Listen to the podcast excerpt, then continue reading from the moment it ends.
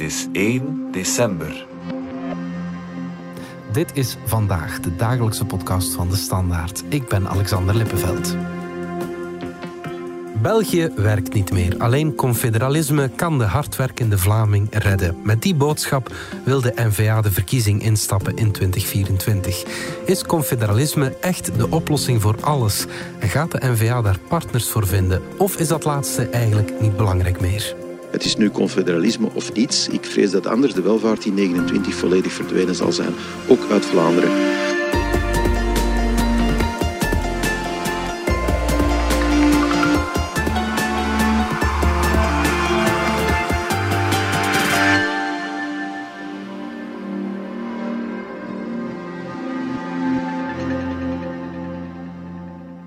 Bart Brinkman van onze politieke redactie. Bart Wever gaf uh, zaterdagochtend zijn politieke analyse op Radio 1. En die luidde klaar en duidelijk: België werkt niet meer. De NVA vertelt het eigenlijk al vanaf het eh, begin van haar ontstaan, het begin van de 21ste eeuw. Zij willen, zo staat het toch in de statuten, zij willen België splitsen in een onafhankelijk Vlaanderen. Nu, ze weten dat er eigenlijk geen meerderheid is voor een onafhankelijk Vlaanderen in Vlaanderen. En dus wordt dat een beetje afgezwakt tot het containerbegrip confederalisme. Mhm omdat eigenlijk niemand weet wat daar juist achter schuilt, kun je daarmee op de markt gaan staan. Mhm, mhm. Het is natuurlijk in een context van waarin Vivaldi ja, toch al heel wat ruzie gemaakt heeft dat hij dat vertelt. Hè. Dat, uh... Ja, en dat valt, dat valt echt niet te ontkennen. Um, Vivaldi heeft zichzelf een beetje in de markt gezet als een hervormingsregering. Mhm. Ja, zij is daarbij gehinderd geweest door twee toch wel zware crisissen. Dat moeten we zeker durven toegeven. We hadden eerst corona, dan heb je, het, uh, dan heb je de oorlog in Oekraïne, wat natuurlijk ook het land een beetje heeft opgeschud. Mhm. Maar goed, corona is onder controle. Oekraïne is natuurlijk niet onder controle, maar is niet zozeer een bevoegdheid van België. Dat is veel internationaler. Dus dan zou je denken, er is tijd om echt fundamentele hervormingen door te voeren op vlak van werk, op vlak van pensioenen, dat soort dingen meer. En dan ja, kun je alleen maar vaststellen, één, dat dat niet lukt. En mhm. twee, dat er aan de aan de zijkant ja, partijvoorzitters uh, heel de tijd zitten, zitten te rumoer te maken. Waardoor dat je toch wel een, een zeer toxisch sfeertje krijgt rond Vivaldi. En dat straalt vroeg of laat af natuurlijk op, uh, op de eerste minister, Alexander de Croo. Ja, absoluut. Um, de Wever verwees in dat interview met Radio 1 met plezier naar een uitspraak van voormalig CD&V-minister Koen Geens op een debat van Pro-Flandria, waarin hij zei dat je op Belgisch niveau alleen nog over nieuwe uitgaven kunt beslissen en niet over besparen. Even luisteren. Wij kunnen federaal op dit ogenblik bijna geen enkele ernstige hervorming meer doen. Dat lukt niet meer. Dat is een uitspraak van uh, eerder dit jaar, Bart. Maar ik kan me inderdaad wel voorstellen dat de Wever dat graag hoort van iemand van een meerderheidspartij. Oh, absoluut. Uh, die, dat was tijdens een debat en dat is gestreamd. En die streaming is ook op Twitter terechtgekomen. Mm en, en ja, toen al heeft de NVA daar natuurlijk heel gretig op gereageerd. Maar ja, in, in, alle eerlijkheid, um, ja, Koen Gens heeft natuurlijk een punt. Hè. Uh, hij zit nu in de Kamer. Uh, als gewezen minister heeft het natuurlijk wellicht ook aan de lijve ondervonden. Mhm. Maar goed, nu zit hij in de Kamer en ziet hij het ook gebeuren. En, en, ja, je kan alleen maar vaststellen dat die federale regering goed is in het vinden van nieuwe uitgaven. Mhm. Maar dat het ontzettend moeilijk is om te besparen. En we hebben dat ook gemerkt bij de jongste begrotingsoverleg. Mhm. Eh, dat, dat, dat, was allemaal bij wijze van spreken millimeterwerk. Dat was schrapen, hier een miljoentje, daar een miljoentje. Dat, er zat eigenlijk geen systematiek achter. Mhm.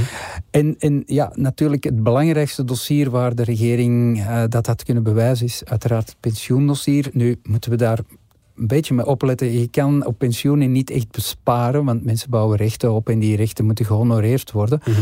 Maar wat je natuurlijk wel kan doen, is de stijging, want ja, de vergrijzingskosten zijn een feit, uh, is de stijging, is die wat aftoppen. Dat kun je op allerlei manieren doen, uh, door mensen wat langer te laten werken en dat soort dingen meer. Mhm. Dus men vindt eindelijk een hervorming. Uh, die hervorming wordt dan doorgerekend uh, door het kenniscentrum voor de pensioenen. En wat blijkt, die hervorming kost geld. Die mhm. brengt geen geld op. Okay. Ja, en dat is, dat is natuurlijk de kern van, van de zaak. Als je, als je mm, op vlak van pensioenen, wat een zeer groot bedrag is, het gaat over 50 miljard uh, euro mhm. per jaar. Als je er niet in slaagt om die stijging toch iets of wat te vertragen, mhm ja, dan zet je heel wat toekomstige begrotingen onder druk. En dan betekent gewoon dat je slecht beleid aan het voeren bent. Ja, oké. Bart de Wever eh, heeft dan de oplossing, hè, dat, dat, dat confederalisme en vooral het land België verder uitkleden. Maar is dat echt het probleem? Dat onvermogen om grote akkoorden en hervormingen te maken, ligt dat dan echt aan de staatsstructuur? Ik zou niet durven zeggen dat het aan de staatsstructuur ligt. Mhm. Ehm, er, kan, en, er kan natuurlijk nog heel veel verbeteren aan die staatsstructuur. Maar ik denk het belangrijkste probleem nu is... het is een zevenpartijenregering, mm gaande van rechts, liberalen tot links, ehm, socialisten met groene, ecolo en, en CD&V daartussen. Mhm. En dat is gewoon een heel moeilijke, dat is gewoon een heel moeilijke puzzel. De manier waarop een socialist tegen pensioenen aankijkt is fundamenteel anders dan de manier waarop een liberaal tegen pensioenen aankijkt. Ja. Of de manier waarop een liberaal tegen activeringsmaatregelen aankijkt is ook fundamenteel anders dan de manier waarop een socialist dat doet. En men slaagt er niet in om die tegenstellingen te overstijgen. Mhm. En een bijkomend probleem is, en dat is ook um, afgelopen weekend heeft uh, Egbert Lachaert uh, dat ook verteld bij ons in de krant. En hij heeft daar denk ik een punt. Het is ook zo dat heel wat hervormingen uh, vastlopen op, op Franstalige partijen. De MR en de PS, die zitten in een, in een ja, toch wel toxische strijd uh, om de grootste te kunnen worden in Wallonië. Mm. En, en de sfeer in Wallonië is ook helemaal anders. Ik denk aan Vlaamse kant kun je, zowel op pensioen of op vlak van werk of op andere punten, kun je hervormingen doorvoeren. En dat is eigenlijk ook wat, wat Bart de Wever zegt. Aan Vlaamse kant zou het wel lukken. Maar het is gewoon heel moeilijk met de Franstalige partijen, omdat die in een, in een concurrentiestrijd zitten die niet toelaat dat er veel bewogen wordt. Hmm. Ja, en, en dat is altijd bij hervormingen. Als er één of twee partijen zeggen, uh, als die nee zeggen, uh, ja, dan, dan, dan blokkeert de hele boel. Het is dus niet genoeg dat er vijf ja zeggen. Je moet iedereen meekrijgen en dat is op dit moment het, het grootste probleem. Ja, en dan is voor de NVA de oplossing we werken gewoon minder samen met de Franstaligen. We willen dat confederalisme. Dus, Misschien moeten we dat eerst eens definiëren. Wel, de, de, NVA komt dan altijd af met de, wat ik een deus ex machina noemt. En we weten allemaal wat de deus ex machina's waard zijn. Uh, dan valt het woord, het magische woord, confederalisme. Het toverstokje dat alle problemen uh, doet uh, smelten als sneeuw voor de zon. Mm. Nu, wat is confederalisme? De theorie is, je hebt twee onafhankelijke staten en die besluiten om samen te werken. Dat is confederalisme. Goed, Vlaanderen nog Wallonië is, is onafhankelijk. Dus ergens klopt die term niet. Maar goed, laat ons dat even vergeten. het gaat niet om semantiek. Nee, het gaat niet om semantiek. Wat, wat, wat staat in het programma van, van de NVA? Dat is dat je eigenlijk alle bevoegdheden gaan naar Wallonië en naar Vlaanderen. Okay. Dus alles. En dan sluiten Vlaanderen en Wallonië sluiten een soort van verdrag en zeggen ze van kijk... Um, wat gaan we samen doen? Dus je keert eigenlijk je keert de hele situatie om. Je zegt alles is voor de regio's, maar de regio's gaan afspreken wat ze samen gaan doen. Ja. En dan heb je, dan, dan zeggen natuurlijk slimme mensen, en wat doe je dan met Brussel? Wel, Brussel krijgt een beetje bijzonder statuut. Dus zowel Vlaanderen als Wallonië zijn bevoegd voor persoonsgebonden als grondgebonden bevoegdheden. Ja. Brussel zou alleen um, verantwoordelijk zijn voor grondgebonden bevoegdheden. Okay. En dan stel je natuurlijk de vraag, ja, maar hoe zit het dan uh, met, met, met de, de, gemeenschapsbevoegdheden? Wel, daar, de, kijk, daar krijgt de Brusselaar de keuze tussen het Vlaamse systeem of het Waalse systeem. Dus de Brusselaar zou kunnen kiezen... Dat gaat dan om scholen. En, en dat gaat niet alleen om scholen, want ook heel die sociale zekerheid en okay, je pensioenen zijn gesplitst. Dus dat betekent dat de Brusselaar zou kunnen zeggen, ik kies voor het Vlaamse systeem, ik ga er ook voor betalen. Uh-huh. En dan krijg ik een Vlaams pensioen en, en uh, dan, dan krijg ik ook uh, een Vlaamse ziekteverzekering en dat soort dingen meer. Dus dat is het confederalisme zoals de NVA dat in de markt zit, of toch zoals het in haar programma staat. En dan moet je je natuurlijk afvragen, goed, dat, dat klinkt allemaal geweldig, maar de kans dat je daarover met Franstaligen een akkoord vindt, is denk ik ongeveer 0,0000000 procent. Okay, Dus dat is een, vandaar, dat is een deus ex dat is een luchtspiegeling, dat, is, dat klinkt goed, maar daar kom je aan de onderhandelingstafel, daar kom je gewoon geen stap mee vooruit.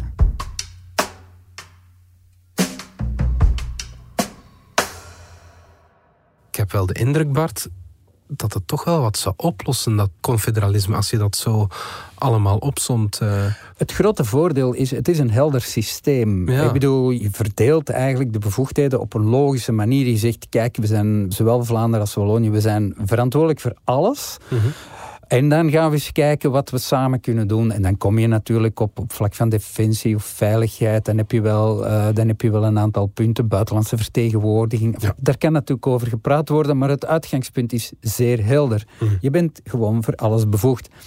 En dus dat geeft het hele systeem een soort aantrekkelijkheid. Alleen, je moet in de politiek ook realistisch zijn. Je vertrekt nooit van een wit blad. We hebben een gezamenlijke geschiedenis. Als we het hebben over Vlamingen en Walen. We hebben een gezamenlijke geschiedenis. In 1830 zijn we één land. We hebben zelfs een gezamenlijke geschiedenis die veel verder reikt. Tot, tot de middeleeuwen, bij wijze van spreken. Dat kan je niet zomaar omzetten in een systeem waarbij alles eh, even helder wordt afgesproken. Ook al omdat je, ja, je hebt medestanders nodig. Mm en op dit moment zijn die er niet. Ehm, het is zoals uh, Georges-Louis Boucher, MR-voorzitter, dit weekend zei. In de politiek telt ook zoiets als wiskunde, eh, een optelsom. Dus, dus dat is een beetje het probleem dat je eigenlijk met een oplossing, dat je een oplossing lanceert die ogenschijnlijk aantrekkelijk is. Mhm maar in werkelijkheid totaal irrealistisch. En dat weet men bij de NVA natuurlijk ook. Het is een soort ideaal systeem. Ja. Maar ze weten dat het op dit moment totaal niet realistisch is. Omdat ze gewoon... Dat is ook bij het uitroepen van de Vlaamse onafhankelijkheid zo. Mhm. Je hebt een akkoord met de Franstaligen nodig. Zonder akkoord ga je als onafhankelijk Vlaanderen nooit internationaal erkend worden. Mhm. Dus mhm. men weet dat. Maar goed, dat, dat blijft aanstekelijk. Zeker op een moment dat Vivaldi bewijst ja, dat, ze, dat ze in een soort doodlopend straatje zijn verzeild geraakt. En waarom is dat dan zo onrealistisch dat ja, pakweg de PS uh, daar niet in zou kunnen meestappen? Want ook zij zouden meer hun eigen beleid kunnen voeren. Zij zouden ook meer macht krijgen uh, in Wallonië zelf dan. Maar dat, is een financiële kwestie natuurlijk. We moeten, ik denk dat we uh, rekening moeten houden met, met de jaarlijkse transfers. Die zijn verklaarbaar, mm -hmm. hè? maar toch jaarlijkse transfers van Vlaanderen naar Wallonië van ongeveer 6 tot 7 miljard ja. euro. Elk jaar. Mhm. Dus je kan natuurlijk zeggen, goed, we werken allemaal voor onszelf. Hè, we gaan zelf onze kost verdienen. Maar het inkomen in Wallonië is nu eenmaal een stuk lager.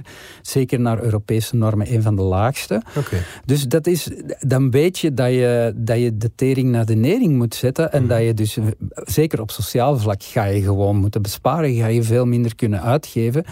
En dat is natuurlijk een verhaal dat je als sociale partij niet kunt vertellen tegen je kiezen. Zo van, Voortaan hebben we onze eigen vlag bij wijze van spreken. Of we, nu, nu kunnen we echt wel ons eigen potje koken. Maar je gaat het wel met veel minder moeten doen. Dat is, dat is een hmm. gewoon...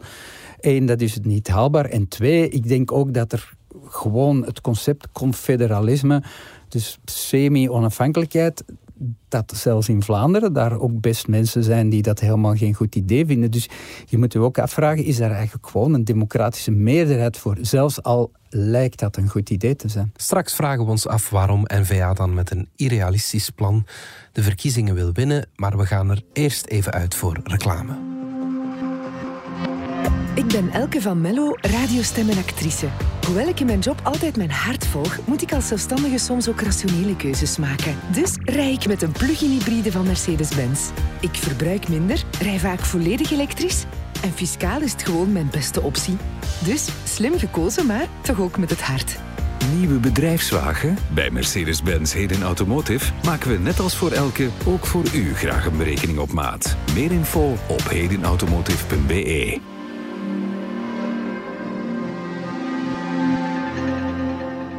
Bart, terug naar het uh, confederalisme dan. Bart de Wever zegt dat hij alleen maar daarover wil onderhandelen. Hoe gaat hij de anderen daarvan overtuigen? Want ja, hij gaat ze wel nodig hebben. Hè? Maar hij zal de anderen nooit kunnen overtuigen. En hij weet dat ook dit is een plan om de verkiezingen in te gaan, om campagne te voeren. En dan zullen we wel zien wat die uitslag geeft. Uh, ik denk dat hij hoopt om sterk genoeg te zijn dat de NVA incontournabele zal zijn bij de federale onderhandelingen. Dat is het zo'n beetje. En dan, hmm. dan zal hij op dat moment, na de verkiezingen, gaat hij de situatie opnieuw inschatten. Het zou natuurlijk wel kunnen, en hij zegt wel dat hij dat niet wil, maar Maar eerlijk gezegd, hij heeft al zoveel gezegd mhm. dat hij eh, zo gezegd niet wil, maar dat het dan uiteindelijk toch wel doet. Uh, er zullen ongetwijfeld onderhandelingen komen. Wellicht komt er een zevende staatshervorming, maar dat staat natuurlijk heel ver af van het idee van, van confederalisme. Ook bij vorige verkiezingscampagnes heeft hij gezegd: en ik ga nooit niet meer onderhandelen, ik ga nooit niet meer in kastelen gaan zitten, tenzij dat het is om België te ontmantelen en naar een richting onafhankelijk Vlaanderen te gaan. Hij heeft in 2020 eh, ook heel lang onderhandeld met, met PS-voorzitter uh, Magnet over, over verdere stappen in de staatshervorming. Mhm. Het zal daarover gaan. Alleen, ja, dat klinkt een stuk minder sexy dan uh, hop met het confederalisme. Dat is zelfs wanneer mensen daar heel veel moet ik het zeggen, dat het, dat, dat niet voor iedereen duidelijk is wat hij daarmee bedoelt, creëert hij wel zoiets van, mm, als we confederaal land zijn, dan is het feest en dan zijn we van alle ellende vanaf. maar ik bedoel, politiek eh, ja, hoog inzetten en iets. Ja, niet alleen hoog inzetten. Politici creëren soms graag illusies. En, en mensen willen dan die illusies geloven. Dat is, dat, politiek hoeft niet altijd rationeel te zijn. Ja, ik herinner me van. Uh, een aantal jaar geleden een fameuze bocht. De bocht van Brakke, dat allitereert uh, prachtig natuurlijk. Ja, absoluut. Ja, leg nog eens uit wat dat juist was. De bocht van Brakke, dat, dat denk ik was uh, eh, 2013, was ook heel interessant, omdat we zaten toen in een sfeer, de peilingen waren ongelooflijk goed voor de NVA, zaten echt diep in de 30 procent. En de minister-president, toenmalig minister-president Geert Bourgeois, was echt aan het dromen van, van een bijna absolute meerderheid en, en, en, en diepgaande hervormingen, ook confederalisme. Hè. Dus dat een, een, echte staatshervorming zoals we die nog nooit in, in de geschiedenis zouden hebben gezien. En dan komt Sigfrid Brekke met een interview bij ons in, in de krant om te zeggen: ja, ja, maar misschien is het toch belangrijker om eens te kijken naar de noodzaak aan sociaal-economische hervormingen. En moeten we die hele staatshervorming toch maar wat een beetje naar de achtergrond verschuiven? Om niet te zeggen, we stoppen die even in de diepvries en we gaan sociaal-economische hervormen ook al een beetje met het idee van goed, als we die Franstalige socialisten in de oppositie kunnen steken, ja, dat is eigenlijk al een staatshervorming op zich. Hmm. En goed, toen is ook de regering eh, Charles Michel gekomen met alleen de MR aan Franstalige kant uh, aan boord. Alleen, ja, ze hebben een aantal hervormingen doorgevoerd, maar ja, die, die regering is dan plots gevallen over het befaamde pact van Marrakesh, waarbij de NVA het nodig vond om de regering te verlaten. Volgens mij een, de, de grootste blunder die ze in de jaren tien gemaakt hebben. Eh, ik denk dat ze als ze de geschiedenis kunnen terugdraaien, dat ze in die regering zouden zijn blijven zitten. Mhm. Dus dat is eigenlijk als een, als een kaartenhuisje in elkaar gevallen. En men heeft in, in 19 opnieuw geprobeerd om dat confederalisme op de kaart te zetten.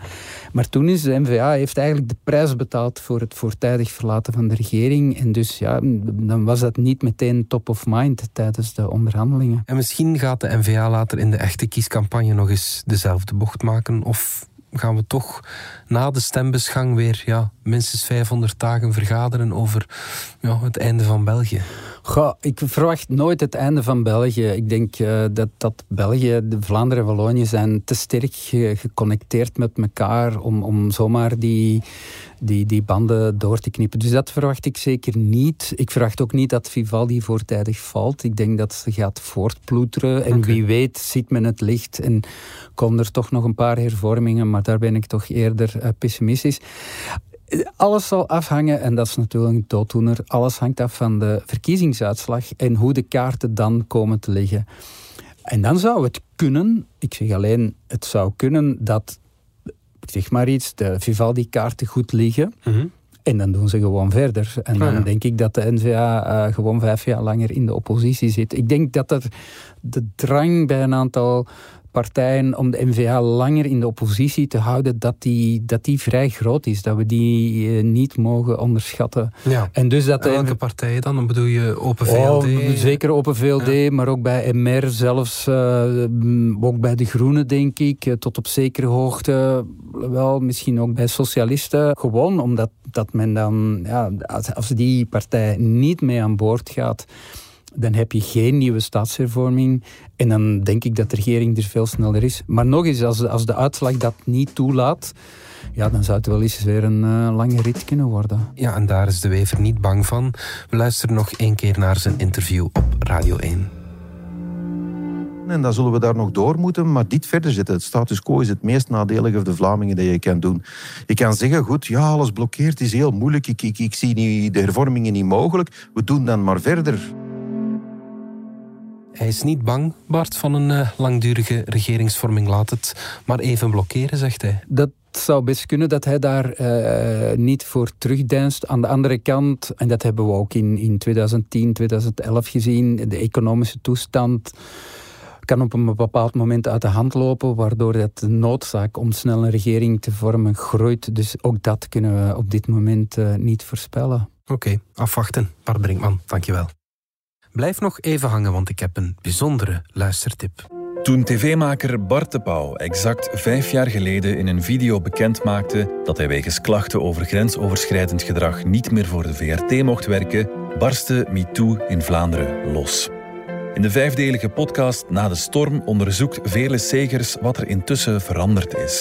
Ze doet dat met getuigenissen van de actrices Lisa Naert, Maaike Kafmeijer. Ik moet ergens de lente in dit zien. Als dat niet is, dan is het voor niks niet nodig geweest. Want het is wel zo, hier allen wel uit leren. Hè? Echt waar, hè? Met Valerie Droeven, die de zaak voor de standaard volgde, psychiater Dirk de Wachter, Steven Colasny van het koor Scala en Lisbeth Stevens van het Instituut voor de Gelijkheid van Mannen en Vrouwen. Na de storm in de app DS Podcast of je favoriete podcast-app. Een co-productie van de Standaard en productiehuis De Hofleveranciers. Dit was vandaag de dagelijkse podcast van De Standaard. Bedankt voor het luisteren. Volg ons op Spotify, Apple Podcast of eender welk ander podcastplatform. In onze gratis FDS podcast kan je niet alleen ons werk beluisteren, maar ook de beste podcasttips terugvinden, met zorg geselecteerd door onze redacteur Max de Moor. Alle credits van de podcast die je net hoorde vind je op standaard.be-podcast. Reageren kan via podcast.standaard.be. Morgen zijn we opnieuw.